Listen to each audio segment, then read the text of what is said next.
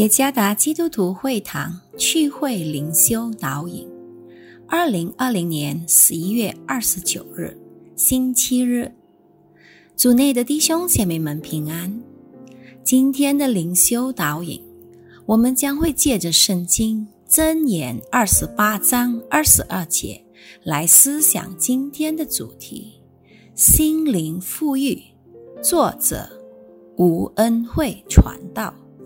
箴言二十八章二十二节：人有恶言，想要急速发财，却不知穷乏必临到他身。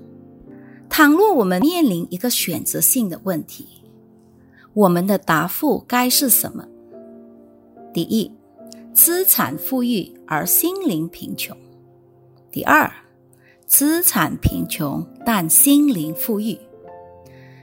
也许我们不会回答任何一个选择，但也许我们根本不做选择，因为我们都要拥有财宝富裕和心灵也富裕。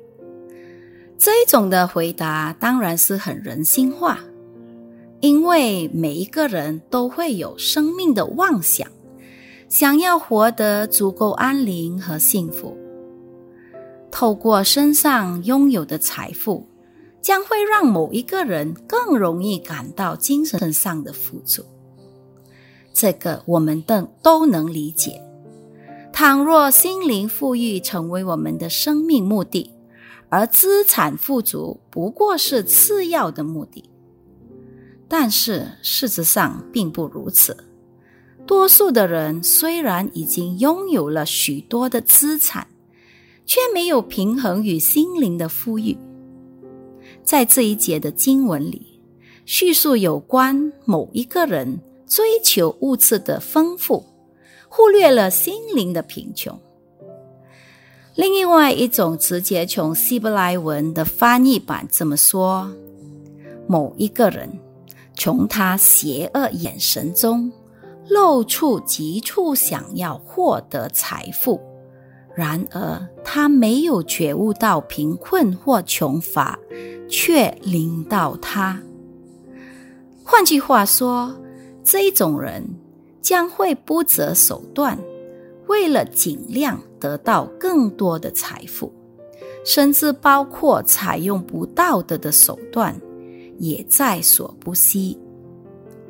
在这个时代里，国民经济尚未复苏正常。在新冠肺炎病毒疫情的侵袭下，世界更需要众人能显出心灵富足的心态为榜样，因为心灵的富裕能让人产生出怜悯的心，心灵的富裕能让人远离自私的个性和贪恋财富的心态。一个心灵富裕的人。必能向神长存感恩，因他的赐福和爱的供应。这就是在主里面有心灵富裕的独特性。亚里士多德说：“即使学习到所有的思想和知识，但却没有学到内心的富裕，即等于不曾学到什么。”愿上帝赐福于大家。